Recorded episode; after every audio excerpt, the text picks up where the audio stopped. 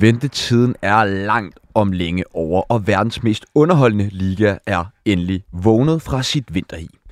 Det er en fornøjelse at erklære, at Superligaen er tilbage. Og hvilken runde det dog blev. Brøndby overraskede alt og alle ved at hive en heroisk 1-0 sejr hjem efter at være blevet reduceret til 10 mand i første halvleg mod FC Midtjylland. FCK bestående af ca. 90% offensiv midtbanespillere tog sejren over upagtede Silkeborg. Hvidovre bliver tydeligvis ikke bedre uanset hvor meget tid de får, mens OB endelig får lidt luft til bunden med deres sejr over Viborg. Som du nok kan regne ud, så er det Superliga ad libitum på menuen i første halvleg af dagens udsendelse. I anden halvleg dedikerer vi til verdens dyreste liga, nemlig Premier League, hvor vi nu er to tredjedel gennem sæsonen, og City er stadigvæk ikke stukket af. Vi udpeger mesterskabskandidaterne, vender Manchester United og danske kolonien i Brentford, spår om nedrykkerne og vender selvfølgelig også så mange af danskerne i verdens største liga som muligt. Det er, hvad det bliver til i dagens program. Producer og tilrettelægger på programmet hedder Kasper Damgaard Christensen. Mit navn er Sebastian Pibels, og du lytter lige nu til Fodbold FM. I dag har vi et utroligt skarpt panel af super fodboldkyndige øh, folk foran mig. Og den første, vi skal byde velkommen til, han var debutant i sidste uge i Fodbold FM og er udtaget for anden uge i streg. Velkommen tilbage til Jeppe Broen Svensson, A-træner uddannet og tidligere divisionstræner. Var det godt at være tilbage og se noget Superliga på stadion i går? Ja, det var fantastisk. Oj. Jeg, Det var jeg tog den på Vestegnen i godt vejr, så heldigvis højt, så øh, jeg sad tørvejr. Men øh, det var imponerende, der kunne trække øh, plus 20.000 til sådan en kamp i sådan vejr. helt vildt, men øh, det siger vel også lidt om, hvad vores Superliga er nået til, altså i forhold til popularitet. Ja, bestemt, og den sult, som folk har fået opsparet over den danske vinterpause der, der, øh, der har man lyst til at komme og se noget fodbold. Uagtet, hvor jeg Ej, der, var, der var smæk på Brøndby Stadion. Ja, der var tryk på. Så skal vi jo byde velkommen til en rigtig øh, fodboldnørd, som vi ikke har set i vores studie i hele 119 dage. Det er ikke for at lægge noget pres, men vi er i hvert fald utrolig glade for at kunne byde velkommen til Bjørn Eli- Elima, der er fodbold- eller analytiker i Farum BK. Tak. Har øh, der været flere flytninger eller børn siden sidst vi sås? Vi prøver at holde lidt igen, så vi er ved at være på plads, øh, for nu i hvert fald, hvis min hustru sidder og hører med. Så, øh, så nej, Ja, men øh, hermed givet videre, og så skal vi også byde velkommen til øh, jamen, øh, fast inventar her i, i studiet. Kasper Damgaard Christensen, velkommen til. Tak Sebastian, tak, tak. Øh, hvordan så øh, Magnus Madsen ud i går? Smuk. Ja. Smuk fyr, det må man bare sige. Altså ham er jeg svært glad for, og det har jeg jo været siden, øh, siden dag 1, dengang han spillede i Silkeborg. Så øh, ej, vi er glade for at se ham i en FCK, tror jeg, det må jeg sige. Flot smil, ikke? Jo, jo, ja, men øh, og ham skal vi også snakke meget mere om senere øh, i programmet. Jeg tænker, at vi bare øh, starter, som vi altid gør, med skulderklap og takling. Og Jeppe, vil du ikke øh, lægge ud med et skulderklap? Jo, det vil jeg. Der øh, er jeg lidt farvet, så jeg hopper fast, øh, holder fast i noget trænersegment der. Øh, jeg vil godt give det til øh, Jes Torup og Bo Henriksen. Jeg synes, det er helt fantastisk, at vi har to trænere, der står i hver deres tekniske område i en af de helt store ligaer. Øh, det er et kado til det- den danske træneruddannelse, den træne, danske trænerstand, men nok også, at de har fået øjnene op for det i udlandet, at øh, at jeg tror, at den ledelsesstil, som mange danske trænere praktiserer, den façon, vi kommer med, den øh, både passer godt ind og kan bringe noget ekstra, end øh, måske især hvad tyskerne har praktiseret i mange år. Så det synes jeg er kæmpe, kæmpe skulderklap til, at, øh, at vi har to danske trænere stående på samme tid øh, i en så stor liga. Ja, og i særdeleshed Bo, Bo Henriksen jo, som jeg tror, at der var de færreste mennesker øh, har troet, han kunne drive det til, til så meget, som han nu øh, engang har gjort. Der er i hvert fald langt fra dengang, han stod og råbte i omklædningsrummet øh, i Brøndshøj. Har du egentlig et bud på, Jeppe, hvorfor det er, at folk har haft så lidt tiltro til øh, Bo Henriksens evner? Ja, men, men, men Bo er jo, hvad skal man sige, øh, mediemæssigt uren og, og, og i sin fremtoning, det der lidt slaskede hår og kropsbygningen og hans direkte façon. Han er jo så autentisk på, på den super fede måde, men det kan jo også hurtigt blive stemplet som, at du er useriøs eller du er fagligt ikke kompetent. Øh, og det tænker jeg, at han har været igennem med nogle voldsomme rekrutteringsprocesser både i Danmark og i udlandet nu, som viser, at det har han helt sikkert på plads, og så har han det ekstra. Han har noget, som du ikke bare lige får havde han været portugiser, så havde han nok øh, sagt, at han var a special one, øh, fordi han kommer med lidt, lidt ud over det så vanligt. Men er det ikke også sådan øh, med Bo Henriksens kompetencer? Altså, det, han har vel nogle kompetencer, som der er meget, meget svære at lære. Øhm, og de ting, han måske mangler, det er vel noget, som, som der er nemmere at lære. Jeg tænker, nu tænker jeg på det her med, at han er rigtig god til noget man management. I hvert fald det indtryk, man får øh, ud af til, og måske nogle gange har nogle mere taktiske mangler. Hvad tænker du om det, Bjørn? Jamen, jeg tænker jo det her med, at der jeg hører, øh, der jeg hører interviewet med Bo Henriksen, da han bliver præsenteret, han fortæller ikke en eneste gang om, øh, hvad det er, han gør. Han fortæller ikke noget om taktik, han fortæller ikke noget om spillestil. Han fortæller bare, at man skal tro på det, og man skal være glad og kærlighed, og man skal tro på at vinde, og det skal han bare overbevise holdet om os. Og det er derfor, han er så utraditionel. Og det er så anderledes, end hvordan jeg selv gør det, men hvor vil jeg gerne kunne gøre det. Fordi det, hvis, ikke, de, hvis ikke de så vinder, og hvis ikke det lykkes, så bliver det jo bare tomhed. Men når så de går ind og vinder, og han skaber de resultater, så bliver det lige pludselig symbolet på en, på en ægte leder, der går forrest og skaber følgeskab. Er han det danske svar på Sam Allardyce? Nej, det er han Nej. ikke. Skulderklap, Bjørn, for dig? Ja, ja men uh, det, skulderklappet går egentlig ud til, um, til, jeg ved ikke, om jeg skal sige, uh, Peter Lassens eller Per Fransens videre. Uh, og det gør jeg, fordi de kaster håndklædet i ringen i går efter kampen mod, um, mod Randers, og det synes jeg er bare befriende. At, øh, det er i hvert fald sådan, jeg læser det, de siger, det, de siger efter kampen, at, at nu, nu ved de godt, de rykker ned, ikke? Øh, så vi er fri for uge efter uge at skulle høre en eller anden rapporter, der er sendt i byen for at høre, øh, kan I godt stadig nå det, indtil det er matematisk muligt. De kaster håndklædet i ringen, og det synes jeg er fedt. Øh, skulderklap for at, at indse det, og så kan man jo ligesom arbejde videre med det og finde nogle nye vinkler på det. Vi kommer øh, kort ind på videre lidt senere her i, i første halvleg øh, af programmet. Kasper, skulderklap? Jamen, øh, vi, vi, skal, vi bliver i podcast-segmentet. Ja. Og, øh, en, er du blevet øh, kopieret igen? Nej, okay. nej, dog ikke. Uh, nej, men uh, der kom en udsendelse ud her i sidste uge, uh, hvor Victor Fischer han optræder i en podcast, der hedder Syrene og Livskraften. Og det er første gang, han udtaler sig efter sit uh, karrierestop, hvor han fortæller om uh, ja, karrierestoppet, og at han uh, har haft en svær tid, både med depression og angst og antidepressiv medicin og, og så videre, så videre. Og det synes jeg skulle være ret befriende, at øh, det, er jo ikke, det er jo ikke første gang, at der er en, øh, en tidligere fodboldspiller, der fortæller om det. Men hvor vil jeg ønske, at det er noget, man også taler om, når det er altså aktuelt, altså når det sker. Øh, og det er derfor, jeg tænker, nu har vi selvfølgelig altså, to, som bevæger sig lidt i fodboldkredse herinde. Altså sådan, er det stadig så macho-præget sådan fodboldverden, tror I, siden at, at det er så svært at skulle kunne åbne op om sådan nogle meget skrøbelige ting, som måske også udefra set kan komme til at virke som svaghedstegn, eller hvad, hvad er sådan umiddelbart take på det? Jeg tror, at de, øh, fodboldverdenen har ændret sig, ligesom samfundet har, og, og nogle, øh, nogle klubber, nogle øh, lande er det nok nemmere end andre, og der vil nok også være den store forskel, at, at når du er konkurrenter på dit levebrød, så kan der være noget med at åbne op for det, der er, er nært, det der er sårbart, fordi hvad hvis det bliver brugt imod dig? Mm. Og det kan jo gøre, at man går og putter med noget, hvad enten det er af den ene eller anden øh, karakter, så, så, så kan det være farligt, fordi det er noget, der kan blive vendt imod dig.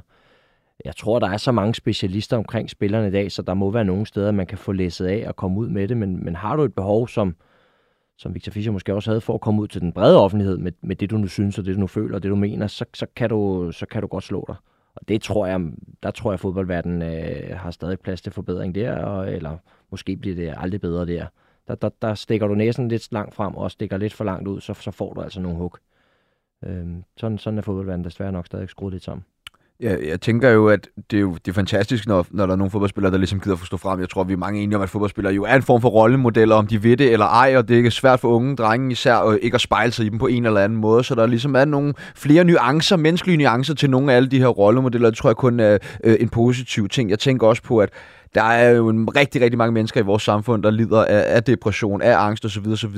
Og hvis det er, vi snakker om i Danmark, der er måske to fodboldspillere, så vidt jeg husker, der har været ude og tale om det. Det stemmer ikke helt overens med, hvor mange der måske eventuelt går rundt med det. Så det er jo kun positivt. Jamen 100 procent, altså, ja, og du nævner selv, at der er nok mange flere, der går rundt med det. Altså jeg er selv døjet med depression og angst, og det er der 100 procent sikker på, det er der mange, der har. Og da jeg for to år siden lavede en dokumentar med Bjelland og René Holten Poulsen, der sagde de også, at der er mange flere, der har det meget mere elendigt, end man lige går og tror i sportsverdenen, men det er bare ikke rigtig noget, man taler om, i hvert fald mens de dyrker deres sport. Ikke? Øhm, så jeg synes, det er, ja, det er sgu bare befriende at høre fra en spiller, at, øh, at, at man også er normal og menneskelig. Ja. Kæmpe skulderklap til øh, Victor Fischer herfra for at åbne op. Til det mindre sjov, en takling. Ja, men jeg bliver sgu i, i trænersegmentet igen. Det, man skulle næsten tro, at det var den baggrund, jeg kom ind med, men, øh, men der vil jeg godt sende en takling til, at en David Moyes i, i West Ham ikke øh, får større kredit. At nu kunne jeg forstå, at der både var banner og, og fanprotester mod hans, hans virke derovre det, det er jo altså et hold, som ligger, øh, hvad ligger de, et point efter storsatsen af Newcastle. De ligger lige foran Chelsea. Øh, de vinder en europæisk øh, pokal med ham ved roret, og øh, de har slået Arsenal som det eneste hold øh, på Arsenals græs. Så synes jeg, det er desværre noget, vi ser ofte, at, at snoren er kort, og kreditten er, er endnu mindre i fodboldverdenen, men, men der synes jeg, der mangler lidt respekt omkring det arbejde, som, som manden i front øh, har, leveret, og man så ikke øh, har længere snor at løbe på, fordi man rammer en, en halvdårlig stime på 5-6 kampe. Så, øh, så, så takling til, at man ikke at man er så øh, historieforladt, eller hvad man skal sige, korttidstænkende. Øh, Utålmodig. Ja, utålmodig, og der skal hurtigt videre nyt, nyt, nyt. Hvem skal ind og trylle her?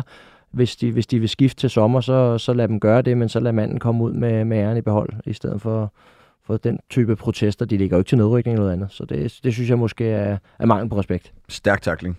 Ja, men der er jo lagt op til en, altså, allerede en konflikt her, fordi jeg havde jo David Moyes på, og hans måde at spille fodbold på, som min takling. og det er ikke løgn, det står her. Øhm, jeg, er jo, øh, jeg er jo biased Everton-fan, og jeg synes jo, Moyes spiller fodbold, som man gjorde tilbage i nullerne for Everton. Men den lader jeg være med at tage sig. øh, så den nummer to, jeg havde, var egentlig, øh, var egentlig gik til, til Heckheim, og den synes jeg godt, jeg kan tillade mig at give, om når nu Brøndby trækker sig sejrsrigt ud. Og det er egentlig ikke fordi, at man øh, enten tager nødbremsen eller laver et rødt kort. Det er beslutningerne omkring det, der, der simpelthen er, at han, han takler den situation så forkert. Øh, han skal gøre så mange andre ting 4-5 gange undervejs. Øh, så, så det, Hvad han, for eksempel? Jamen for eksempel, i stedet for at løbe efter ham, når han har set, at han har tabt ham, så skal han løbe øh, i den lange side i målet for at hjælpe målmanden med. Han- Han skal kun tænke på at hjælpe målmanden derfra. Hvordan hjælper jeg målmanden bedst muligt med at gøre målet mindre, når han kan se, at jeg kan ikke nå ham. Og, og dermed han bliver med at løbe ind, ind bag ham, og så er, og så er Bo Nielsen jo bare øh, super klog, og han trækker ind foran. Men han skal gøre alt muligt andet. Øhm, også måden, han forsøger at clear den på, hvor han sparker den op, jamen alt muligt. Så måden, han håndterer den på, får min, øh, den, får min takling. Han har generelt været lidt dyr for Brøndby Hækheim. Ja, jeg synes, han... Øh, men han siger jo også meget ærligt bagefter, at han havde en puls på 200, så han har været nervøs, apropos, når man går rundt med de her tanker, som øh, Victor Victor Fischer åbner op med. Han, altså, han er nervøs, og nu fik han chancen igen, og han er med gang 10 kun mere nervøs, så jeg håber, at, man, at, at, øh, at han, når, når han formentlig ikke hører det her program, det gør fodboldspillere jo ikke, øh, at, han, at, at han har nogen til at hjælpe ham, øh, når, og forstår, når, når jeg giver ham den her takling, så, så er det også fordi, jeg, jeg kan godt forstå, at man er nervøs. Men det skal man jo kunne leve med som fodboldspiller på det elite-niveau, der, ikke? Det er præmissen, Og tænker jeg. spørgsmålet er, hvor mange beslutninger han egentlig træffer efterfølgende, for det virker som om en fodboldspiller, der glemmer at tænke sig om. Mm. Altså som du også selv siger, han giver alle de muligheder, der er, for man lige som angriber skal ind foran og tager lidt af farten og får det lille puff og falder rigtig elegant, og det er simpelthen decideret klodset dumt. Ja. For jeg tror, at havde han besluttet sig for at lægge ham ned, så, så skulle han jo nok have valgt at gøre det meget Præcis. højere op på banen, og hvis han også havde kigget på klokken undervejs på det returløb, så havde det måske været klogere bare at lade ham løbe. Jeg synes måske også, man kan så sende en semitakling til hans holdkammerat, som, som taber en duel lige inden. Det, det, det, ja, det skulle, vil jeg nemlig også komme ind på lige om lidt, men lad os bare tage den nu. Øh, Rasmus Lauritsen, altså hvor meget ansvar ligger der på ham i forhold til det her, fordi at det virker lidt til, at han sælger også lidt Hækheim i den situation. Jeg, jeg synes, at øh, jeg synes også, at hans, øh, hans situation øh, er, er skidt, fordi han må ikke så stor og stærk, som han er, må han jo ikke tage den duel. Øh, men det er jo, altså, man, man sætter også sit forsvar sådan, at der skal løbe en bagom, som så kan tage den, hvis ikke han når den, og det, det er jo det, Hækheim skal gøre og gøre. Altså, det sker jo, man taber de her øh, nærkampe. Ja, men til gengæld synes jeg faktisk, at øh, i forhold til, da Rasmus Lauritsen spiller sin første kamp, hvor jeg synes, han var en mur, der synes jeg godt nok også, at han er faldet i niveau. Øh, jeg synes også, at resten af kampen render rundt og ligner et... Øh, ligner en, øh, noget, der ikke rigtig hørt til. I, Godt nok er det meget fodbold, han har spillet. nej, De sidste to Det kan- sæsoner, vel er det 14 kampe i alt eller sådan noget. det kan være derfor. Jeg, jeg synes bare ikke, han, jeg synes, han ligner et, øh, sådan et, et fragment, der ikke rigtig hører til i, i øh, Brøndby-forsvaret. Det kan også være noget med, med nervøsitet, eller man ikke er klar, eller man ikke er trænet til det. Men, ja, men jeg, synes, jeg, jeg, jeg synes heller ikke, han spiller en god kamp. Men, men klar og trænet til det, det, man kan vel ikke være mere klar og mere trænet til en sådan en sæsonopstart efter sådan en lang vinterpause. Det er vel der, man et eller andet sted skal stå skarpest. Men det er jo, det er jo situationen, der afgør det, og der, der når han den ikke, og øh, får ikke ryddet op, og så koster det. Og det er en mand i sin bedste fodboldalder, der laver den første del. En 27 år, så vidt jeg husker, øh, som, som taber den der. Det, det giver lidt øh, flashback til en kamp øh, i Lyngby også, hvor det så var en anden. Det var Tjempe jo. hvor, der hvor ikke? træffer en 3-3 rigtig dårlig beslutning efterfølgende også, men det er stadig en situation, der opstår, fordi første mand ikke løser sin opgave godt nok. Det, det, det fjerner ikke Hækheim for, for ansvar for at, at træffe dårlige beslutninger bagefter og clear dårligt og, at have for høj puls, men, men situationen kunne være løst øh, i sekvensen før. Jeg løber lige et par af lytterne, så skulderklap og igennem, og så kaster vi os øh, fuldstændig over øh, den Brøndby FC Midtjylland-kamp. Skulderklap fra øh, Jens Rasmussen til Rasmus Højlund for at blive ved med at klaske mål ind. Jesper Rune Hjel Sørensen skriver skulderklap til Lasse Søne, der i weekenden stod for en assist mod Ajax, og samtidig spillede sin kamp nummer 434 i æresdivisionen, der gør ham til den udlænding, som med flest kampe nogensinde i den bedste øh, række i Holland. Takling fra Kim Schick til Togan Hazard kan sagtens forstå, at han beder om fansenes hjælp, men i princippet skal han jo ikke bestemme, hvad fansene gør. På den måde tror jeg ikke, ikke gør fansene mindre utilfredse. Jamen, øh, vi har jo allerede øh, smagt lidt på det, men øh, Brøndby de vandt jo 1-0 over FC Midtjylland i går i en virkelig spændende kamp. Øh, Bjørn, altså, hvad, hvad var et indtryk, sad du ligesom med efter den her kamp? Jamen, det var sådan en kamp, hvor at meget af alle de her taktiske oplæg og indsigt og analyser måske lidt mister deres værdi, fordi det bliver, øh, det bliver en helt anden kamp, end man havde regnet med at se. Øhm, så, så man bider selvfølgelig mærke i, at, øh, at Brøndby lykkes med at vinde den her kamp efter at være så meget i undertal, men også at øh, FC Midtjylland ikke lykkes bedre, og så alligevel har Midtjylland jo masser, altså eller ikke masser af chancer, men de har store chancer på stolperne og et offside-mål på en centimeter, der bliver underkendt og sådan noget. Ikke? Så, så jeg synes egentlig, det er sådan en svær kamp at tage, tage rigtig meget med fra, andet end at, øh, end, end, at det er jo lige præcis det her Brøndby kan. Øh, det det Brøndby, hele, hele ophavet i Brøndby, kan få sådan en kamp her øh, til at lykkes, øh, fordi det er Brøndby IF, ikke? Øh, og det tror jeg, det er det, jeg tager med fra den. Jeppe, er du mest overrasket over øh, Brøndby løber med sejren her, eller skuffet over, at FC Midtjylland ikke øh, formår at, at gøre mere? Nej, det, det ved jeg ikke, om øh, jeg vil sige. Jeg vil sige. Det, jeg hæftede mig mest ved, det var den, den beslutning, som øh, Brøndbys trænerbænk skulle træffe øh, efter det 17. minut, hvor, hvor de får øh, en mand smidt ud. Øh, der, der er jo to veje at gå der. Øh, jeg sad der på tribunen og, og, og frygtede lidt, at de ville prøve at, at lappe et hul på bekostning af alt, hvad der hedder offensivpillen, eksempelvis Suzuki ud og sætte en ekstra forsvarsspiller ind. Det valgte de heldigvis ikke at gøre. De valgte også at gå en lille smule på kompromis med, med den fembak, som i perioder var, var mere end firebak, øh, når Suzuki ikke var nede og reparere på, på, på ydersiden. Det synes jeg var rigtig, rigtig fornuftigt, og det viser sig også heldigvis at bære frugt, det lille sats, der ligger i at bevare offensivspillerne på banen, så man stadig havde noget at tro med en anden vej. Fordi skulle man stå der i, i, øh, i, i nogle 80 minutter og, og parere øh, det, som midtjyderne er rigtig, rigtig dygtige til, og som de Altså, jeg ved ikke, om de kan være meget kritiske, fordi som vi også, øh, du var inde på, Bjørn, så, så, så er der jo de muligheder, der skal til. Der er et mål, der bliver annulleret. Der er, øh, der er strafsparkredning, som man jo ikke kan forvente, selvom han har en god statistik, øh, Pens derinde. Så, så kunne det lige så godt have været blevet uafgjort eller en udbanesejr.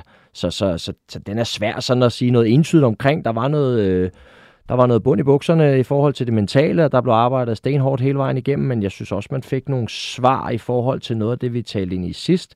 Brøndby Spredte for eksempel. Hvorfor bliver der kun skiftet tre mand ind i en kamp, hvor man har knoklet en mand i undertal i, i så mange minutter?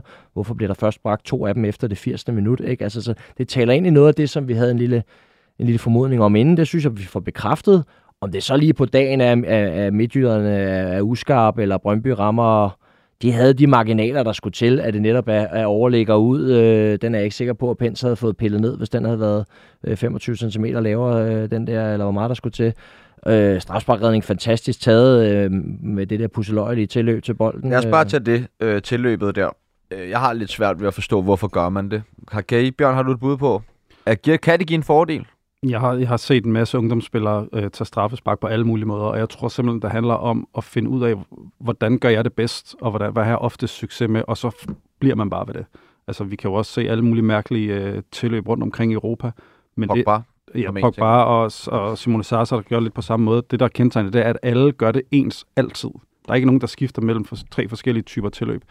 Så jeg forestiller mig, at det er sådan der, at, øh, at Cho han vurderer, han, øh, at han, det lykkes bedst for ham, og så ser det bare vildt dumt ud, når det så ikke lykkes. Altså, det, det er mit bedste bud. Hvis han gør det for at have fokus på, hvad målmanden laver af udfald, så er det jo for det første rigtig dårligt udfyldt. Jeg kan ikke forstå, at han ikke bare timer sit tilløb, beslutter sig, og så, så smasker han den altså ind.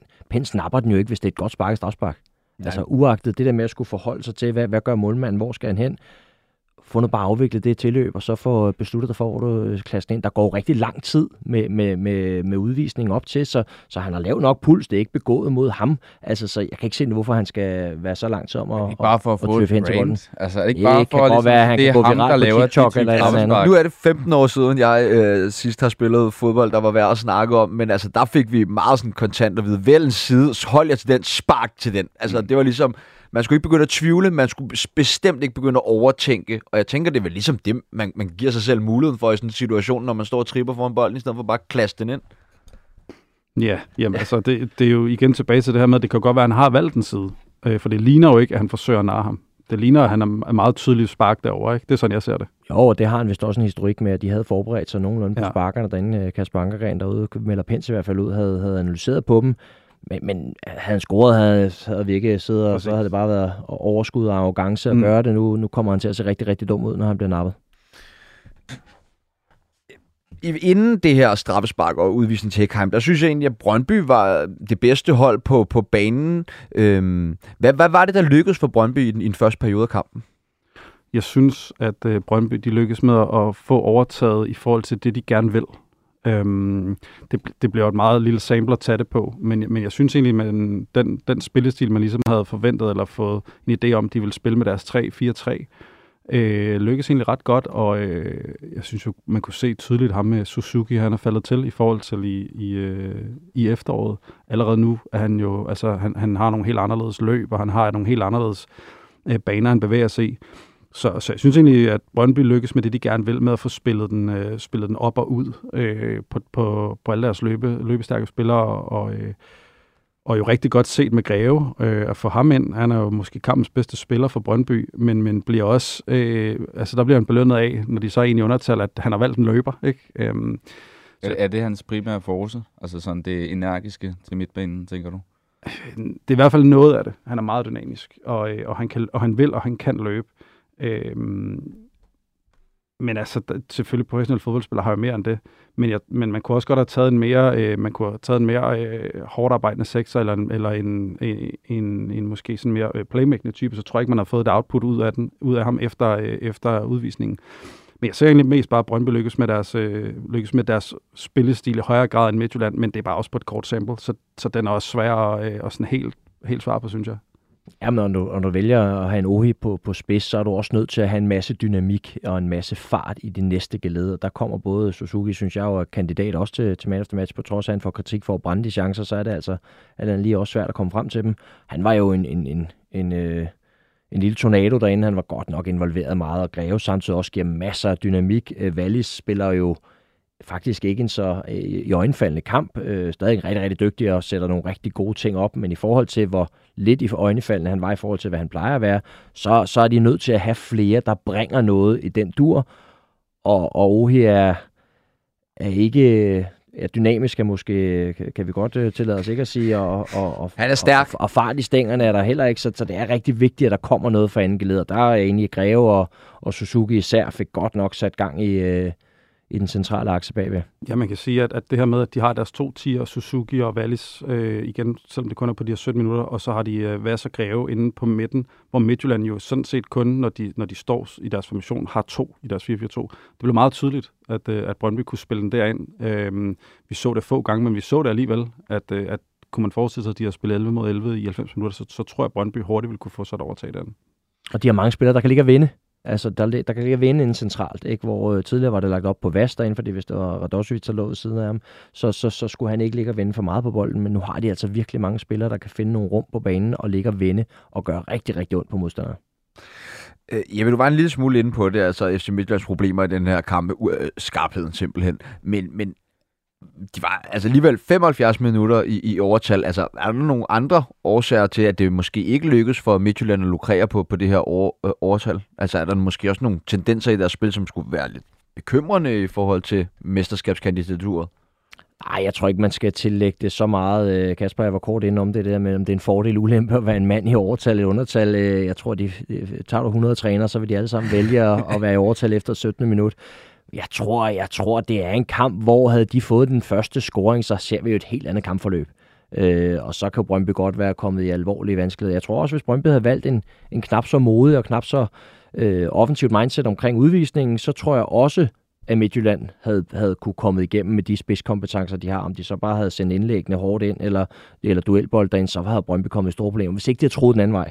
Så jeg tror, det, det er lige så meget Brøndbys favør, at de var konstant farlige. De kommer jo faktisk frem til nogle rigtig, rigtig store muligheder, på trods af en mand nede, øh, hvor de bryder ud øh, lidt dybere fra, og så kommer afsted. Blandt andet, fordi de har nogle utrolig dygtige løbere i Greve og, og, øh, og Suzuki, og de to wingbacks, øh, som så bliver mere backs efterfølgende, kommer rigtig godt med os. Så jeg tror, det er lige så meget Brøndbys fortjeneste, og så har de den medvind, man skal have for at vinde sådan en kamp med en mand undertal. Ikke? At du har en målmand, der skal pille strafspark, du har en overlægger, som, som sidder det rigtige sted, og du har noget, en, en varkendelse, som går den rigtige vej. Og det skal der til, for at du vinder 1-0 i, øh, i, en, i en topkamp, øh, selv på eget græs. Og så var der noget, noget tryk fra tribunerne, som helt sikkert ikke har påvirket var, øh, men som i hvert fald har givet spillerne, når det begyndte at, nive lidt i lårbasserne og trække lidt i lungerne, så tænker jeg, at de har kunne, kunne vende sig om, omkring til alle fire tribuner og se, at der var altså nogle mennesker, der, der godt vil give dem lidt ekstra der. Gav det ikke lidt sådan en flashback til 2021-sæsonen, hvor, hvor de bliver mester, hvor de har den her øh, magiske kamp i Aarhus, hvor de også, jeg tror det er Frandrup, der bliver udvist, og jeg tror, jeg kan ikke huske, om det, hvem det er, der redder den på stregen, og det, altså, hvor, hvor det blev det her eventyr. Et, Mm. Øhm, altså giver det ikke sådan lidt øh, nogle associationer til sådan en sæson, hvor man tænker, det kan sgu godt lade sig gøre? Jo, der er i hvert fald noget i det her med, at, øh, at der, der er nogle hold, der kan med deres fans leve helt vildt på sådan en nedtur. Og man kan sige, lad os nu, lad os nu øh, lege med tanken om, at, øh, at øh, Hækheim var blevet vist ud lige foran feltet, og det var blevet et eller andet ligegyldigt frispark. Der tror jeg faktisk, at, øh, at Brøndby, de, øh, de casher ind på, at det rent faktisk bliver et straffespark, der bliver reddet, fordi det eneste brøl, der har været højere end det på stadion, har formentlig været i resten af byen. Fordi det bare, altså det giver så, de, de, de, de går næsten på vandet, da han tager den her, ikke? Øhm, og det er, sådan noget, det er sådan noget, jeg ved ikke, om jeg, når jeg siger kun Brøndby kan, jeg er ikke Brøndby-fan, men det er bare i hvert fald noget, Brøndby kan. Det er den her øh, fællesskab. Nu, nu er vi nede, og nu samler vi os, ikke? Og der er helt klart noget, øh, noget mesterskabssæson over det. Øhm, og ja, så må vi se, hvad det, hvad det bliver til, ikke? Nu, øh, jeg, jeg ved, jeg har fået lidt svært ved at få øh, de to herrer til at ligge alt for meget i, i den her kamp. Freak-kamp kan vi måske også få lov til at kalde den, men derfor så kan jeg jo kaste den over til dig, Kasper. Øh, hvem er du mest nervøs for? Nu er du FCK-mand, det tror jeg, det er de færreste lytterprogrammer, der ikke øh, øh, ved. Øh, som, øh, ja, hvad skal man sige, titelaspiranter ud over FC København efter den her kamp. FC Midtjylland eller Brøndby? Jamen, jeg har altså hele vejen slet ikke, og det kan også godt lyde hårdt, været særlig nervøs for Brøndby faktisk. På grund af den bredde. Og jeg tænker på et eller andet tidspunkt, så får de en skade. Altså Vas eller Wallis eller Rasmussen øh, nede bag i.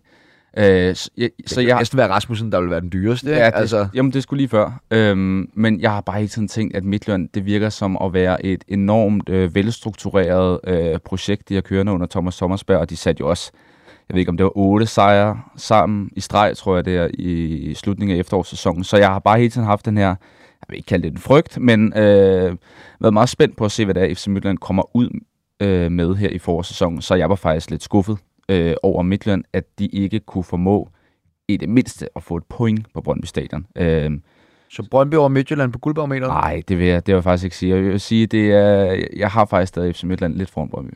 Jamen, hvis jeg skulle prøve at læne mig ud og sådan sige, hvad kunne, man, hvad kunne man læse lidt af det her, så var jeg faktisk lidt overrasket over, øh, at, at Thomas Berg vælger, vælger at ændre i sin, øh, i sin sådan, hvad skal man sige, opstilling og hans tilgang. Øh, f- det synes jeg faktisk, han gør ret tidligt, fordi man kan jo sige, at han har valgt sin øh, 4-4-2 og sin opstilling til at møde et Brøndby-hold, der så bliver en mand mindre. Det kunne man jo sagtens have kørt øh, kampen noget længere med. Altså, det, det ændrer kampen jo sådan set ikke, øh, ændrer jo ikke noget ved, med Midtjyllands spil, det de har gået og øvet på i formentlig 3-4 uger. Øh, så der synes jeg måske, at øh, der var jeg overrasket over, at øh, jeg tror ikke, man kan sige, at Thomas Berg går i panik, og det har han nogensinde gjort. Men jeg var overrasket over, at han så hurtigt skiftede øh, Rømer ud, og så prøvede at lægge øh, opstillingen om. Hvorfor tror du, han gjorde det? Jamen, jamen det, det ved jeg faktisk ikke, men øh, jeg tænker, han prøver øh, måske også lidt trykket af Brøndby Stadion, og sige, nu, nu er jeg nødt til at gøre et eller andet. Vi burde måske være foran, vi burde måske, øh, måske føler han sig presset til at gøre noget. Og så synes jeg jo, øh, den anden ting, jeg vil sige, det var, at ja, man kan sige, at der er nogle af de andre hold, der måske lærer noget af det her, fordi i forhold til at skal spille mod Midtjylland, for det er jo tydeligt, at de har et dynamisk hold. De vil gerne ud at løbe med Cho og Oliver Sørensen, og Simsi er også klart bedst til at sætte en mand i løb. Så når de møder et hold, der står så langt tilbage, som Brøndby jo øh, nødvendigvis gjorde, selvom de forsøgte, det havde de svært ved. Så, så, øh, så det var ikke på den måde, kampens udvikling var ikke nødvendigvis til det her løbende Midtjylland øh, holds fordel, selvom jeg er enig i, at alle vil helst spille 11 mod 10, det er jo, eller 11 mod 10, hvis de får lov. Men det tænker jeg godt, der kunne være noget, at de andre hold siger, okay, vi kan godt, vi kan, vi kan udfordre Midtjylland ved at måske stille os 10 meter længere tilbage i kampene, for så, så har de måske faktisk svært ved at lave de her gennembrud. Det kan, jeg forestiller mig, det kan stort set de fleste hold i Superligaen gøre, måske lige på undtagelse af Hvidovre og FC Nordsjælland. Altså, så tror jeg det er. Jamen, øh, nå, vi bevæger os videre mod øh, Søhøjlandet, hvor Silkeborg igen igen skulle forsøge at drille de forsvarende mestre, men en effektiv anden halvleg sikrede FC København en komfortabel sejr på hele 3-0. Jeppe, hvad hæftede du der mest ved ved det her opgør?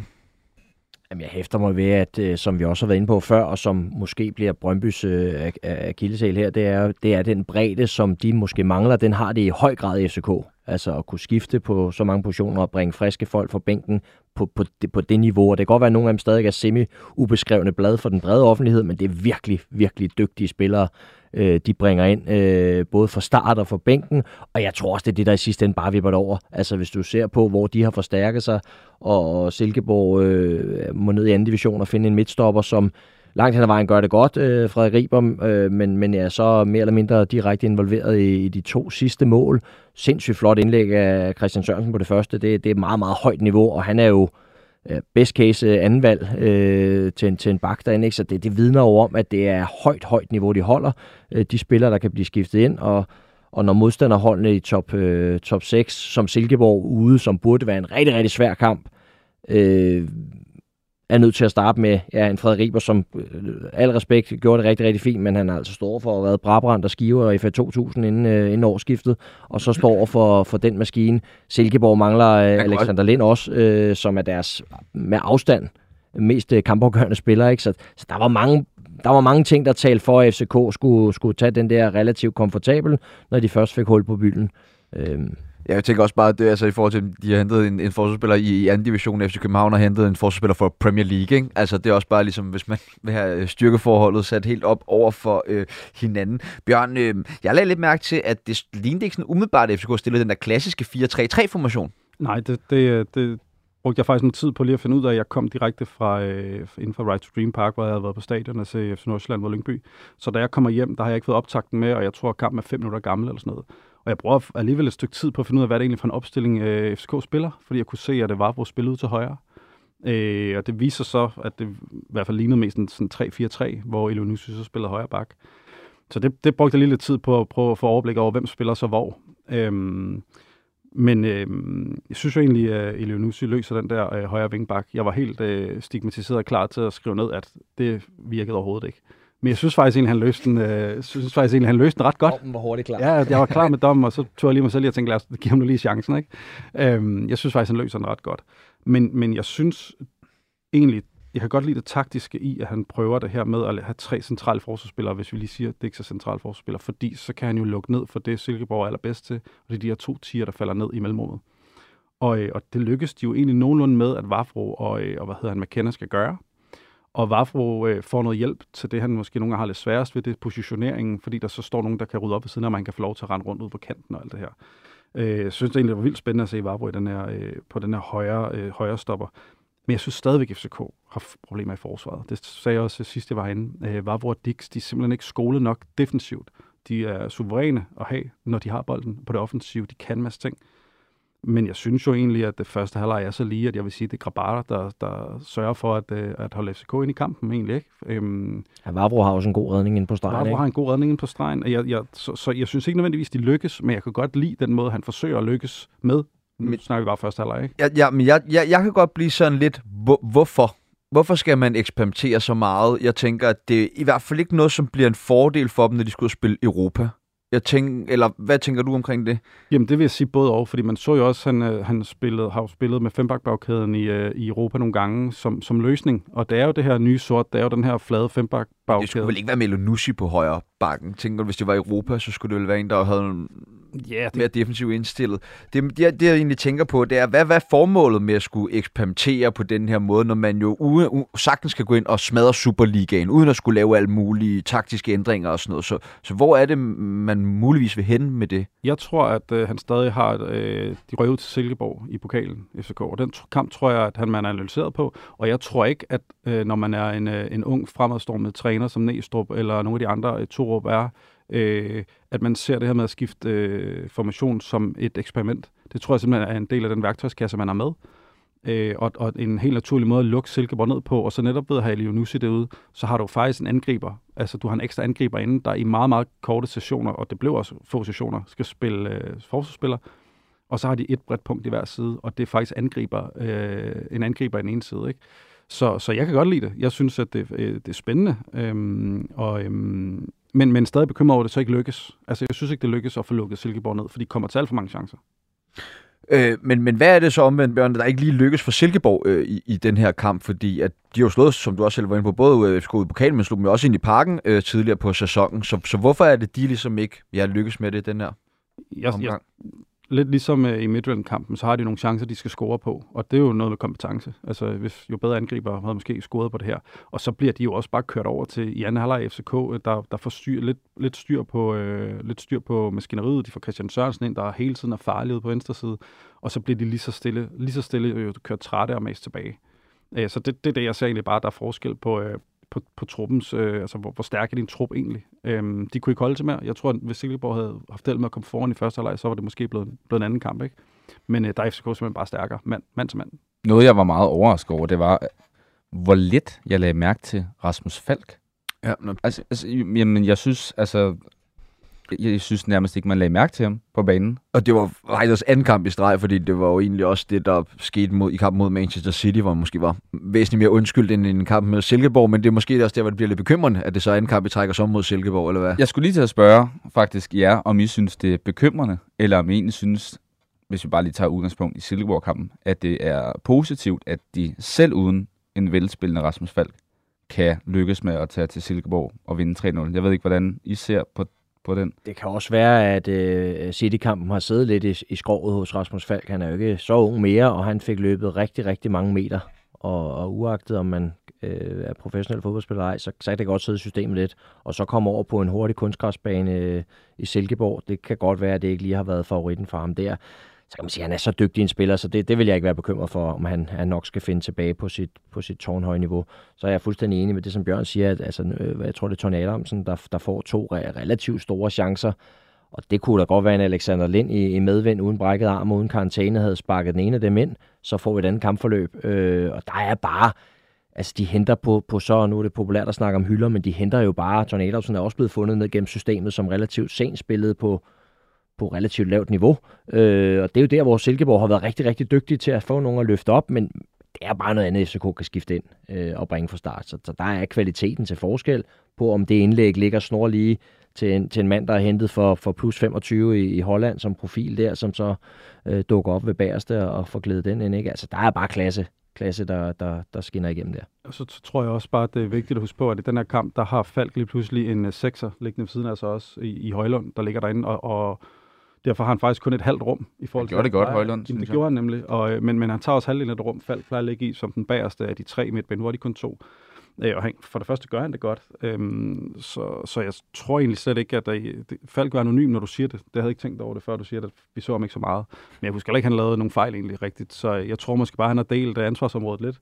Jeg var mere overrasket over, hvor mange af dem fra City-kampen, der startede ind, når man tænker på FCK's bredde. Øh, for altså, de så træt ud til sidst, ikke? Det må de også have været. Ja. De blev øh, kørt øh, fint rundt. Ja, der, fordi, øh, hvis vi lige skal køre, knytte på ord til øh, det City-kampen der, altså var øh, Jeppe, du overrasket over, hvor stor øh, niveauforskellen var på de her to hold? Nej, jeg måtte lige tilbage og høre vores udsendelse fra i mandag, så der heldigvis øh, var der nogle af os, der var rimelig enige om, at det var en, en uhyggelig stor opgave der, og der, der blev det bare vist. Det var, altså, det var jo meget, meget tydeligt de første 20-25 minutter, øh, hvor stor niveauforskel der er på et Premier League-hold. Meget, meget velspændende top 2-3 stykker i verden. Øh, når de rammer den rigtige tænding, øh, spænding, øh, incitament for at spille god fodbold, så, så får danske hold, og især danske hold, som er uden for kompetitiv kampform, de får øh, kæmpe problemer. Og det gjorde de. Altså, det var jo... Det havde, øh, må Kasper bakke op om, at en 1-2 havde nok ikke været helt fortjent efter spillerchancer. Det havde faktisk holdt en lille smule liv i returkampen, indtil de så tænker, at vi må hellere skrue op, og så producere det lige to-tre store chancer i, i slutfasen, til de fik den to sejr, ellers så havde, havde Pep nok øh, været tosset ude på sidelinjen, for så kan han ikke spare så mange til returkampen. Jamen, jeg synes faktisk ikke engang, at et 3-1-resultat, jeg synes slet ikke, det retfærdiggør øh, opgøret. For vi, altså, vi stod jo virkelig også bare, altså efter 8 minutter, hvor jeg tror, det er der, det Brøgne scorer, med, altså, den, altså, mi, altså, du kan ikke gøre det mere sikkert, selvom det egentlig er så svær en afslutning. Altså, vi stod bare og var sådan, hold da op. Altså, og sådan havde vi det hele kampen igennem, hvor vi bare var sådan, Men- hold da op. Er det, ikke, er det ikke lidt pinligt sådan for turneringen, at det her er, hvad vi ser blandt de 16 bedste hold, at det simpelthen er, niveauforskellen er så kæmpestor, øh, Bjørn? Nej, det får du mig ikke til at sige. Nå, jeg, øh, øh, jeg, jeg, jeg synes faktisk, at, at, at FCK og måske, lad os bare sige, dansk fodbold skal have noget kredit, fordi FCK, eller hvad hedder det, Manchester City stillede i det, der man kan kalde den absolut stærkeste opstilling. Det var Ke- Kevin De Bruyne, det var Holland, der blev ikke sparet nogen steder. Øh, øh, Pep, han, han skulle vinde den her, og han skulle vinde den sikkert, og det gjorde han så også. Men det var altså med, med, det var med de aller, aller stærkeste, han har. Øhm, og det var fuldstændig fortjent, og jeg synes Men egentlig... sad du med fornemmelsen af, at de spillede sig ud, de her, det her allerstærkeste hold? Altså måske i små perioder under kampen, men... Jamen, jamen, det, selvfølgelig, det, det, det er svært at svare på, fordi man spiller sig jo ud til, til det, man skal opnå, og de kommer ret hurtigt foran.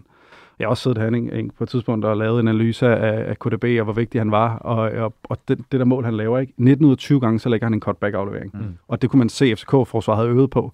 Og så den ene gang kan han se, at der er en kanal, og han kan kun skyde den der, mm. og så skyder han den. Og altså, den er smal. Den, en smal den, passage, den er, han finder. Den er så svær at sparke ind med højrebenet, den der. Altså, det er så vildt, så dygtig han er til fodbold. Men han er vel verdens bedste fodboldspiller PC.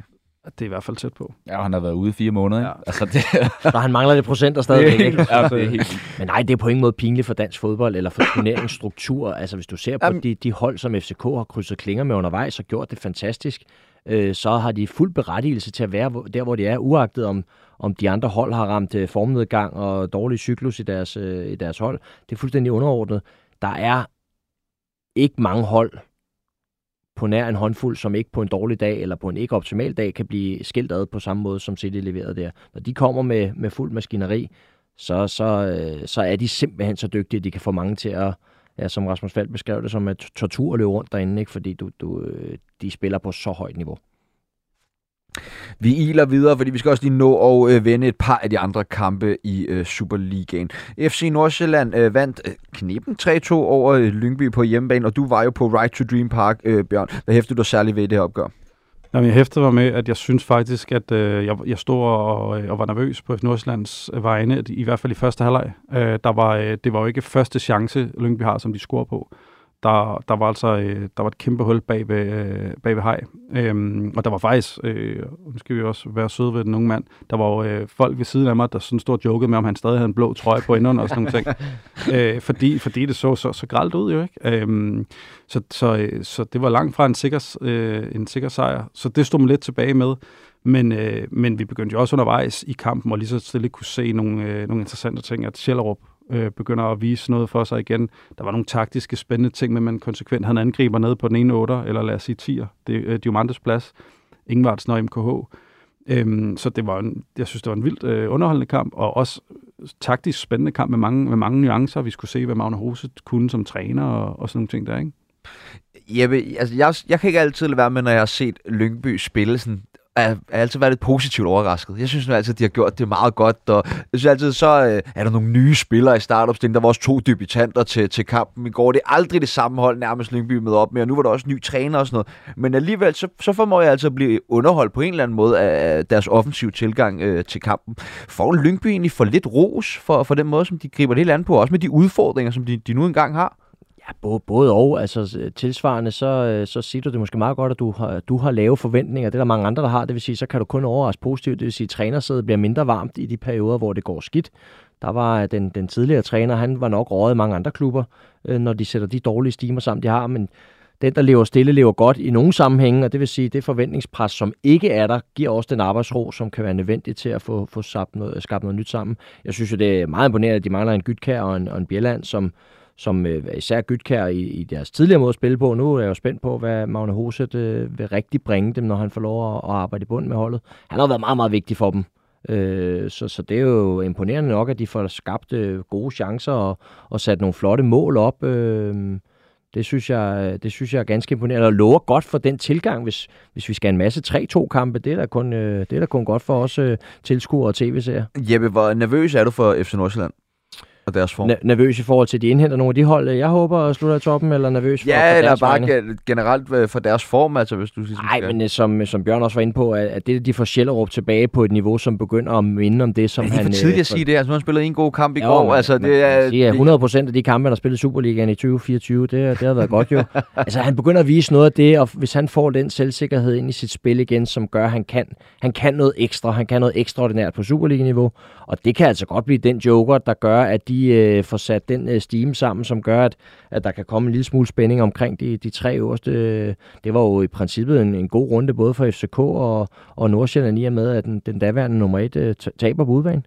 Så, så der kom der en lille smule mere samling på tropperne der. De er måske lige frem tilbage i mesterskabskampen efter noget Jeg gav dem en procent jo, så jeg, øh, jeg tænker, at... Jeg kan øh, godt lide, at du ligesom over- holder dig til den det holder her. jeg fast i. Ja, det, er, det er fedt. Uh, Viborg, de tager på hjemmebane 1-2 til OB. Det er en kamp, der blev spillet uh, i fredags. Ja, nu kan jeg jo høre, at det er ikke for tidligt at spå om alt muligt fremgang og Sjællup og sådan noget. Så uh, OB, er der for tidligt at spå om fremgang der? Øh, måske. Nej, jeg synes egentlig, at øh, jeg, jeg, jeg, har, jeg har meget store, øh, meget store forventninger til den her duo af, øh, af Søren Krog og, Hjort, og Frank Hjortebjerg. De øh, kommer begge to som assistenter øh, for Flemming P. op i Nordsjælland på et tidspunkt. Og, øhm, og jeg synes, det er tydeligt at se, at Søren Krog, som i hvert fald mig bekendt, så er han rigtig, rigtig dygtig til på træningsbanen at lave øh, øvelser, der passer ind i spillestilen. Og hvis man skulle tage noget med fra den kamp, så, er det, så, så lignede det, at de så trænede ud i det, de gerne vil. Øhm, øhm, bider blandt andet øh, især mærke i målet, der måske var en sløj målmandspræstation, men opspillet, det så lige skabet. Og, øh, og det synes jeg jo tegner godt. Så kan man så sige, at øh, jeg var overrasket over Viborg. Øh, hele deres koncept har jo været, at de, øh, at de gør det på samme måde hele tiden, og det var lavet meget om med den der 3-2 øh, øh, opbygning med ham, en bum, som, som jeg overhovedet ikke synes fungerede. Det kunne jeg ikke rigtig finde ud af, om jeg var glad for eller ked af. Glad for, fordi jeg synes, det var øh, fedt, at de prøvede noget nyt. Øh, ked af, at man så gik væk fra det der for Viborg. Men, men, men øh, det, var en speciel, det var specielt at se. Jeg tror, OB stadig får problemer. Og det gør, de, det gør jeg, fordi de også prøver at forsvare den her 5-2-3. Lige så snart de andre hold op der, at det er ham her, den gamle 10'er, El Hajj, der ligger på den ene af de to, lad os sige 6 eller 8, så finder du ud af, hvor meget plads der er der. Og så kom, får de ham ud at løbe, og så bliver det rigtig svært for OB at forsvare med, med ham der. Rigtig god offensiv, men han kommer til at få problemer defensivt. Men omvendt så skinnede han ekstraordinært i øjnene på bolden. Der, var jeg, der, der, der fik jeg da godt nok en haroplevelse der, da jeg så ham i aktion. Det var, det var ganske, ganske imponerende. Så kan man give ham lidt bedre fundament for at forsvare øh, den anden vej, så, så kan det være en rigtig, rigtig spændende omskoling, de har gang i der. Og så vil jeg sige, der står, øh, selvom Søren Krog har været træner i mange år, har han jo ikke været Superliga-cheftræner i rigtig mange år. Så du skal ikke tage fejl af det der, med, når du skal implementere noget nyt, når du skal opbygge noget credit i dit omklædningsrum og få dine idéer igennem, så er det bare sejre, som kan gøre, at spillerne lytter den my mere efter, og, øh, og der er ting, der lykkes, og der er ting, der er spillere, der er blevet fravalgt, som har svært ved at komme ind øh, på, på kontoret øh, om mandagen og sige, hvorfor spillede jeg ikke, når du får den medvind. Og tilsvarende i Viborg, kan det godt være bekymrende, hvis de nye idéer, øh, uagtet hvor interessant det er for os øh, udefra at se, når folk gør noget nyt, så skal du også vinde nogle fodboldkampe. Og lige pludselig, så er det jo, så er det jo Viborg, der er første kandidat til at blive, blive slugt af de to. Øh, jeg vil ikke sige, der kommer bullerne bagfra, men, øh, men i hvert fald øh, er dem, der kan blive hentet som første, første hold nu. Ikke? Nu skal vi i hvert fald også lige have se Vejle i aktion i aften og se, hvad de har øh, at, at byde med, eller byde ind med. Hvidovre, de har øh, tydeligvis ikke særlig meget øh, at byde ind med i dette års øh, Superliga. De tabte hjemme 1-3 til Randers, og øh, Bjørn, du var jo inde på det i starten med det her skulderklap til øh, Hvidovre. Jeg, jeg, jeg vil egentlig gerne lige høre jer sådan... Har det været en fed oplevelse med Hvidovre i Superligaen? Altså, er det fedt det her med, at der kan komme en underdog? Personligt, så synes jeg, at de rykker op og tænker, okay, det bliver fedt det her. Øhm, jeg havde nok heller ikke regnet med, at det ville gå så dårligt, selvom jeg var helt sikker på, at de nok skulle, skulle kæmpe med det hele øh, sæsonen øh, igennem. Men, men er, det, er det fedt, at der er den her mulighed for, at nogle gange så kommer der simpelthen der hold op, som ikke hører hjemme? Jeg tror også, vi så det jo dengang med Hobro, som så klarede det langt, langt bedre øh, i deres første sæson, går sådan noget igen. Øh, ja, hvad tænker I om det? For produktet Superligaen, så synes jeg nej. Øh, det, det, der, det var da charmerende og, og lidt sjovt, men, men grundlæggende er produktet Superliga bliver forværret eller bliver dårligere af et hold, som det første stykke tid var i gang med at lege sig ind på diverse tribune hjemmesider for at få mm. fylde løbebanen ud, for at kunne leve op til de krav, der var. Der er stadig en løbebane, som ser mærkeligt ud. De, de havde, de, så havde de ikke nogen træningsbaner, må lege sig ind på en, på en halv bane i vandløse. Og, altså, det, det, det, jeg synes, det, det mudrer lidt konceptet, og det mudrer lidt øh, det setup, der er omkring Superligaen, som ellers er fuld af respekt for det, især Peter Lassen og, og Fransen har lavet derude. Det er, det er meget, meget øh, flot, flot arbejde gennem mange år. Men for Superligaen som, som helhed, altså, at man ikke kan se et mål på, efter begyndelsesparket igen, hvor man lige her kommer, så spiller man gud døde med bolden øh, fem gange egen regner, så laver man en friløber til en angriber, der kan gå op og score til 2-0, og så er man, så er man, eller til 2-1, så er man fuldstændig ude der. Det, det, det, er jo, det skal jo ikke være sådan nogle klip, der går viral for den bedste danske Superliga. Altså, det, det, det er simpelthen så pisse dårligt. Jeg, jeg vil gerne prøve at tage den op på, øh, på sådan en, en, måske en endnu mere hellig klange, fordi i de, her, øh, i de her tider med en potentiel Super League og ingen nedrykning og oprykning og sådan nogle ting der, så er jeg helt enig med i konceptet og for produktet dansk fodbold ikke særlig godt, men for fodbold som den romantiske del af fodbolden, som vi på en eller anden måde alle sammen klikker ind i, der synes jeg lige præcis, det er der, der skal til. For det er det her, der giver folk mod på at tage en, øh, en tørn i anden division eller første division, fordi man kan øh, udleve drømmen en dag og være heldig at rykke op i Superligaen og få de her, hvor mange kampe de nu får, som de formentlig aldrig får, eller måske ikke skulle have haft. Men, men jeg tager ved med, alle dem, der prøver sig selv af i første, anden og tredje division, de kigger på videre og tænker, at det kunne være mig. Og det er med til at skabe noget retning, det er med til at skabe noget tro på det. Så derfor kan jeg godt lide, at det sker i ny og næ. Og men det måske giver lidt øh, for, for Superligans produkt i sidste ende, så synes, jeg, det, så synes jeg, det er godt for den fodbold, jeg godt kan lide, at man stadig kan rykke op og være helt helvedeste. Men så lad det ske i pokalturneringen. Så lad os få nogle overraskelser. Der, hvor der er nogen, der får deres øh, kampe og får vist sig frem der, det behøver de ikke gøre gennem en hel, øh, et helt grundspil og et helt slutspil.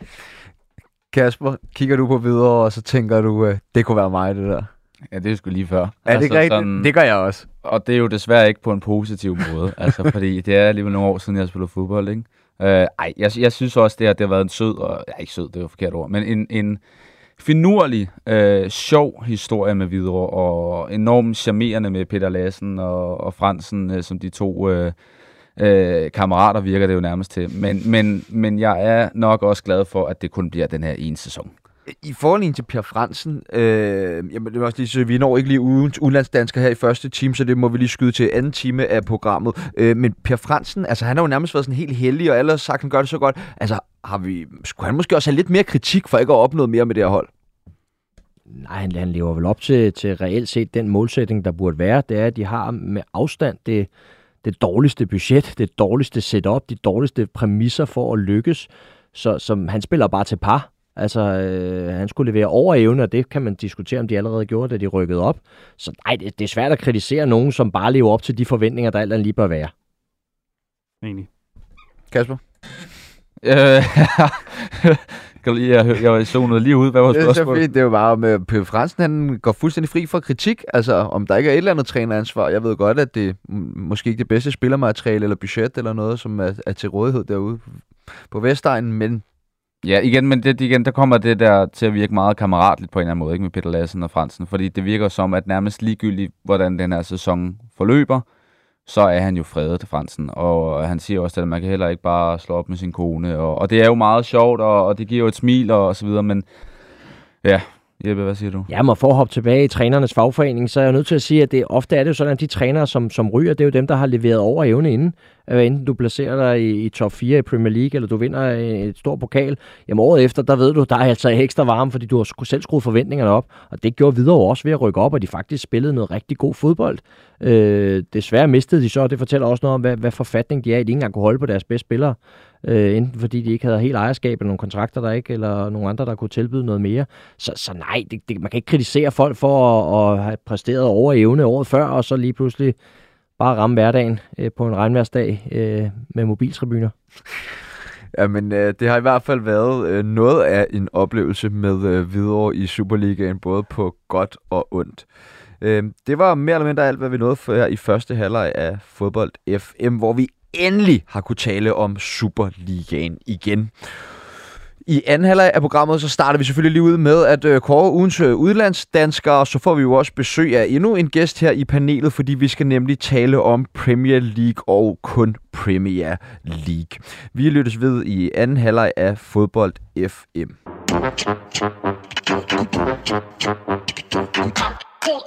Thank